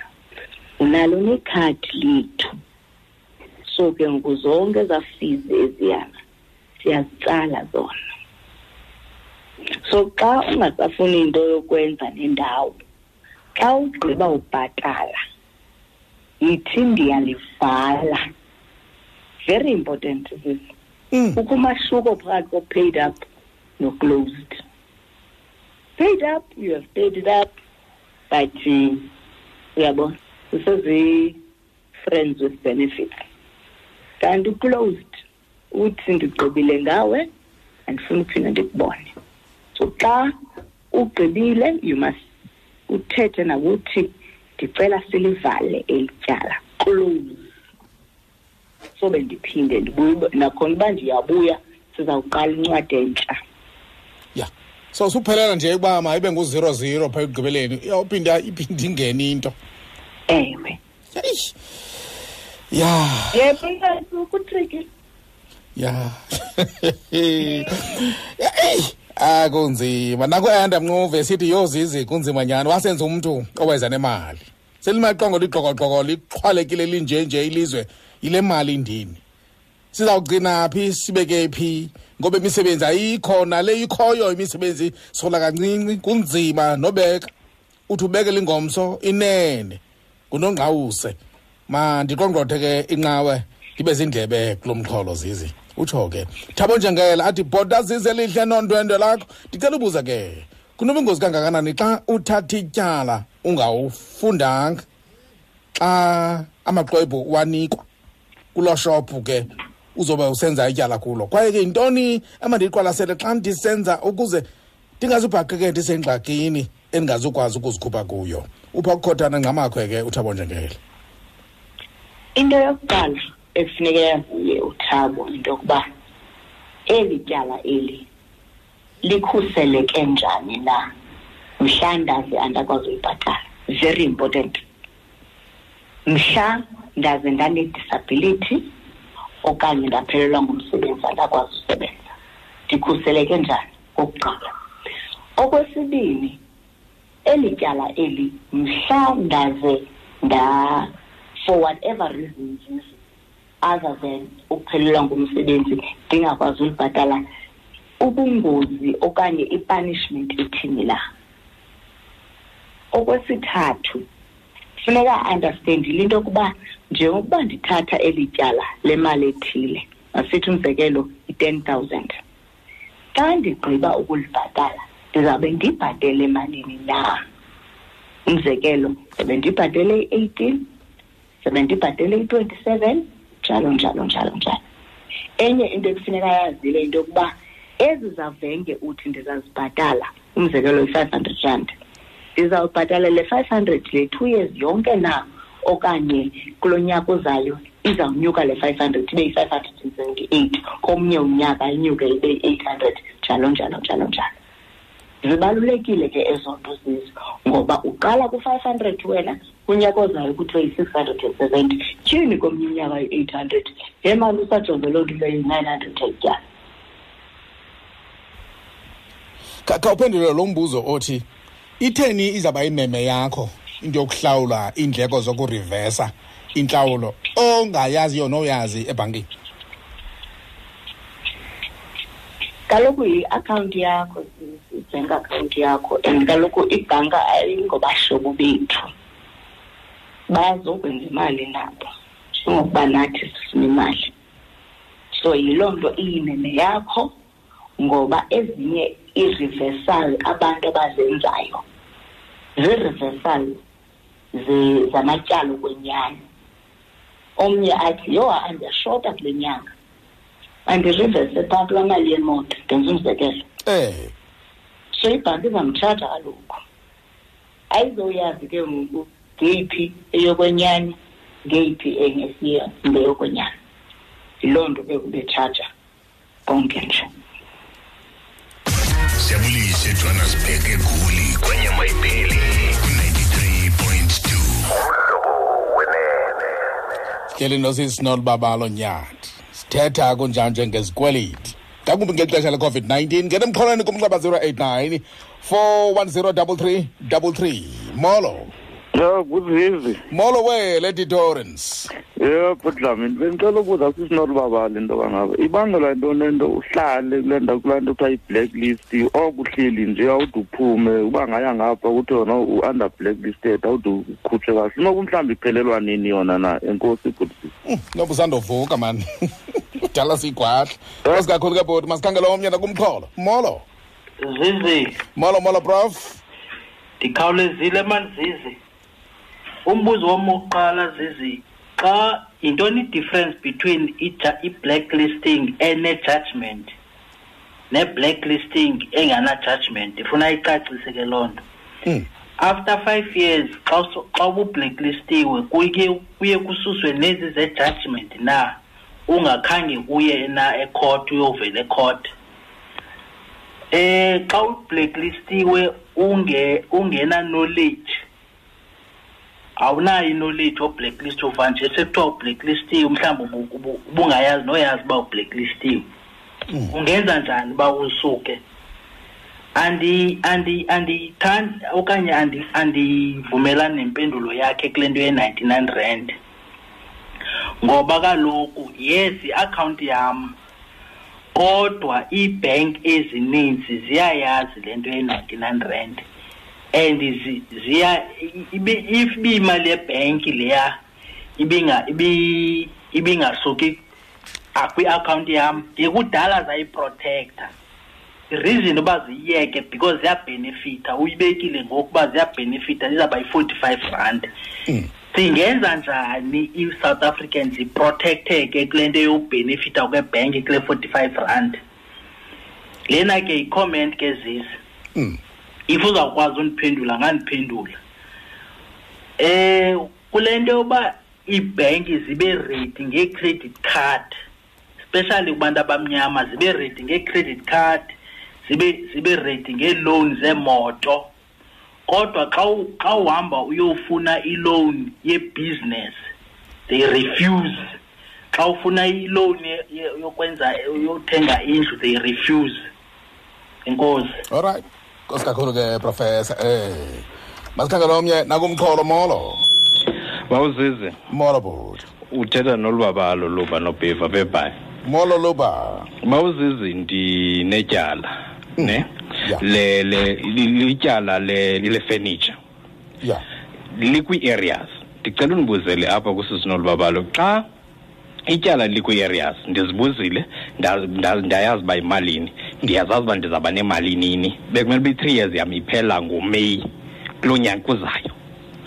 xa ndino xa ndizothi ndithi ndiyolivala ikhona into ekufuneka ndiyibhatele okanye yintoni efuneke ndibuye nayo ethi ndilibhatele eli tyala plus ii-area zabo and andisafuni into yokwenza nabo ufuna ukuthi square up bhale kwanto hmm. okay okay noba uyavakala noko masithathe onke nakumxholo molo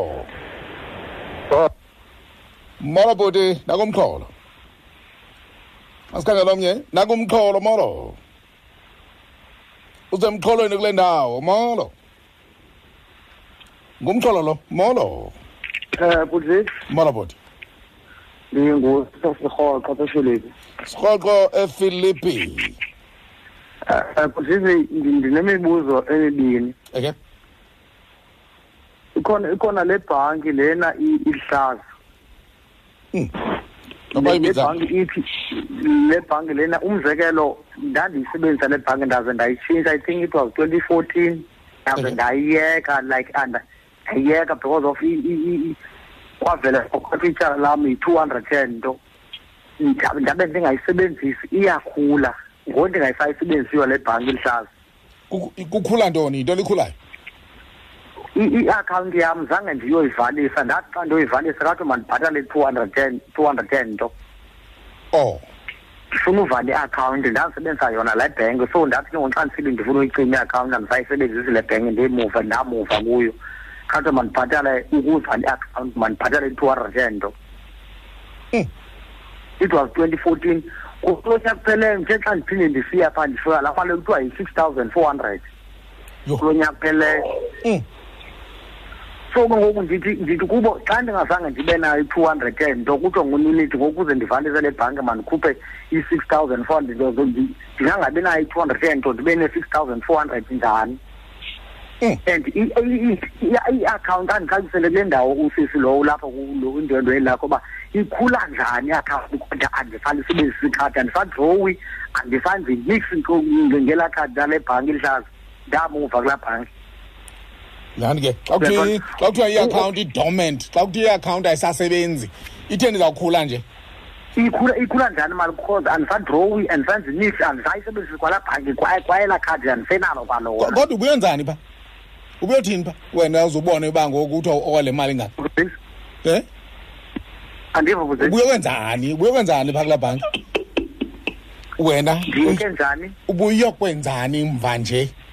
njengoba kusho ukuthi ikhulile nje ubuyothini wena pha kuyo uyazazi mawaqhabalakana nabo ngoku buyofuna ntoni lofuna uvula enye account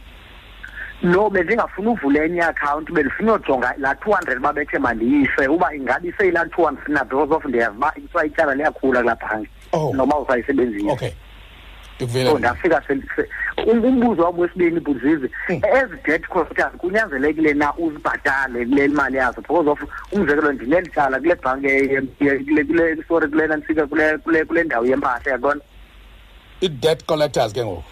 eh, ngoku ndinetyala le-three thousand umzekelo so i-debt collectors zona ke ngoku zinemali ezityalayo more than la-three thousand ndinyanzelekile kwangona uba ndikhuphe nale yazi imali mhm uza kuphendula usesinolubawalo uza kuphendula uza kuphendula masibiyaka kuphendula akolo ke sirhoqo um masithatha okugqibela sobaphendula sesinolubabala molo molo papa kunjani siyaphila wethu masiye mama siyaphila bafuna ngicela ubuza xa umubhatala ityala kwaba babhatalela abantu amatyala hmm. and then ubhatale udeske uyeke umsebenzi imali isatsalwa and then aba benantsika bamagqwetha bakuthumeleyo ileta ethi lo mntu lowo akasenogqwetha ukhutshiwe emagqwetheni kuhlelo lamagqwetha and then batye yonke into yakhe bamke andike kamva kakuhle ke andam umbambile nasi sinolo baba ndizamzama um zizinje hmm. yabouqhawukeibilities ya masibaphendule wethu sovala all right um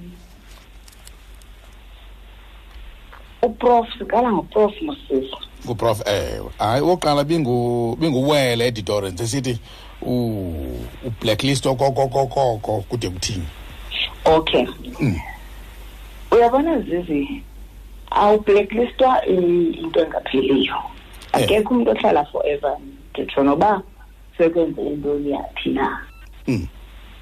there is no such thing as ublacklistwa forever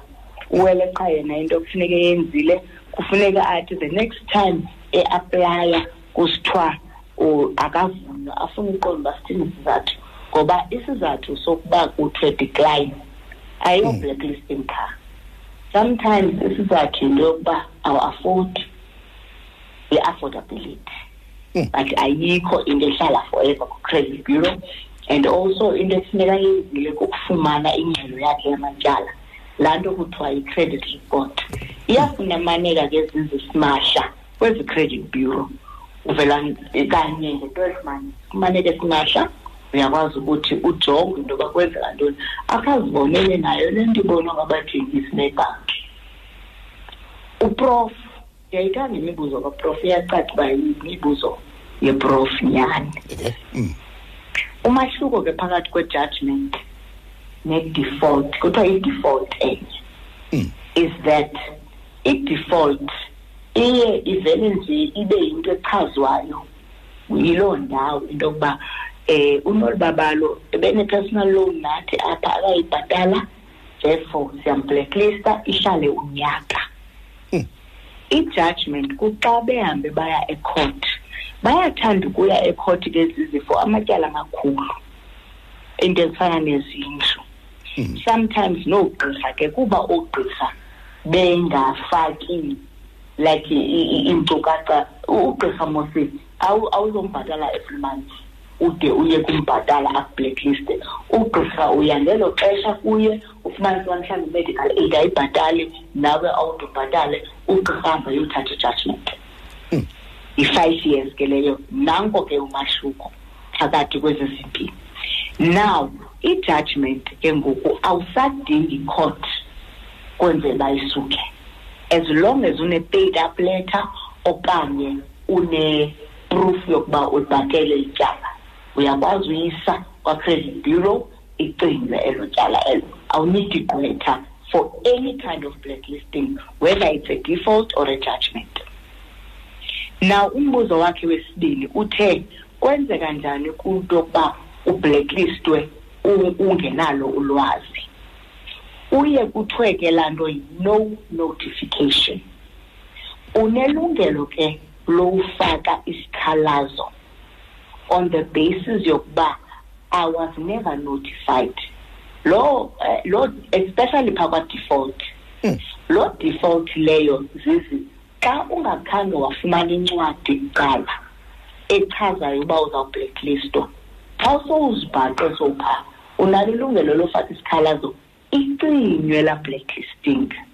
on the basis okuba khange balandele iprocedure laa nto kuthiwa yi-no notification usifake isikhalazo sokuba khange bandichazele hmm. ngoba kaloku xa bekuchazela zizi ngubani owaziyo mhlawumbi ubungasalazi elaa tyala okanye watshintsha ifowuni number okanye i-adress or whatever the case may be but funeke bekunikile i-opportunity yokuba ubhatale kuqala before bakublackliste okwesithathu eh kule ndaba yeebhanka ke zee-ninety-nine rand nee-reversal fee nam andivumelani nayo njengokuba naye engavumelani nayo kodwa kaloku kukhona ezinye iibhanka ezaza ngaphambili ezathi any reversal oyenzayo yemali engaphantsi kwe-two hundred rand uyakwazi ukuthi uyireverse ungatshajwa zikhona iibhanki ezenza le nto leyo so umntu unalo ilungelo lothi hayi kaloku nina niyanditshaja xa ndiriversa um eh, bye bye ndizahamba ndiye kwenye ibhanki engazonditshaja umntu uyakwazi uyenza loo nto leyo awubotshelelwanga kwibhanka ethile kule point yakhe yesine ndiyayiva laa nto yokuba uyanikwa ezi zinto ezi zakufaka ematyaleni kodwa ezi zakukhulisa kuba nzima ukuzifumana yinto ke ezizibeleyo iye ibe nzima ke ukuba siyilwe because isystem eh until ide ibe sithi abama ngenyawo sithi hayi siya ku-department ngoku of trade and industry sithi hayi sibonile uba kukhona into engacaciyo phaya sicela ukuthi ijongwe ndiye ke ngoku kugama lowam uluba uluba phaya kulaa venkile yefenitsha uthe uthethe nge-arias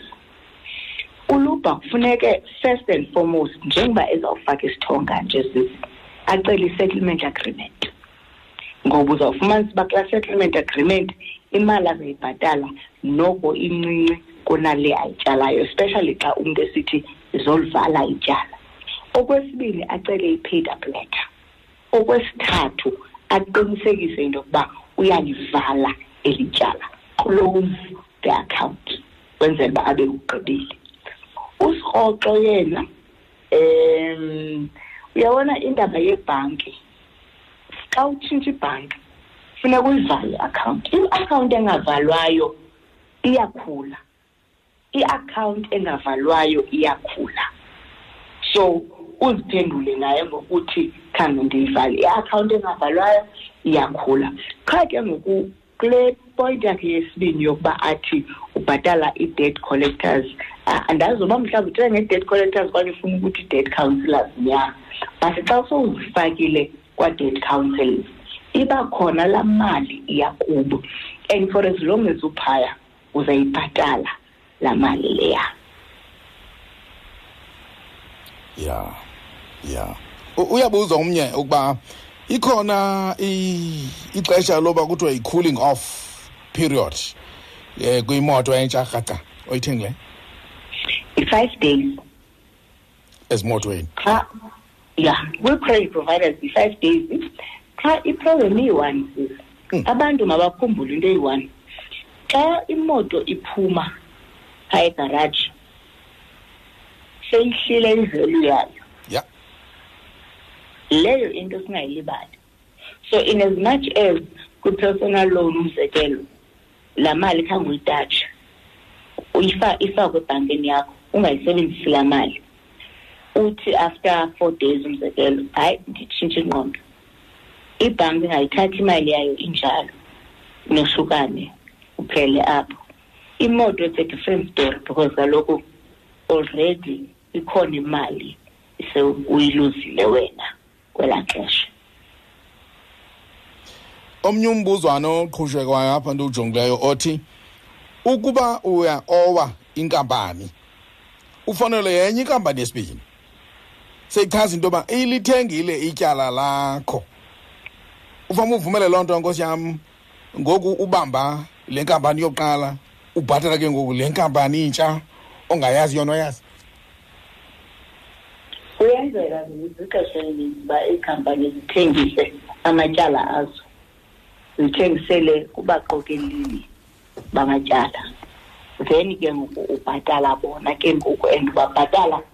so babhatala nenzala qha abantu kufuneke balumke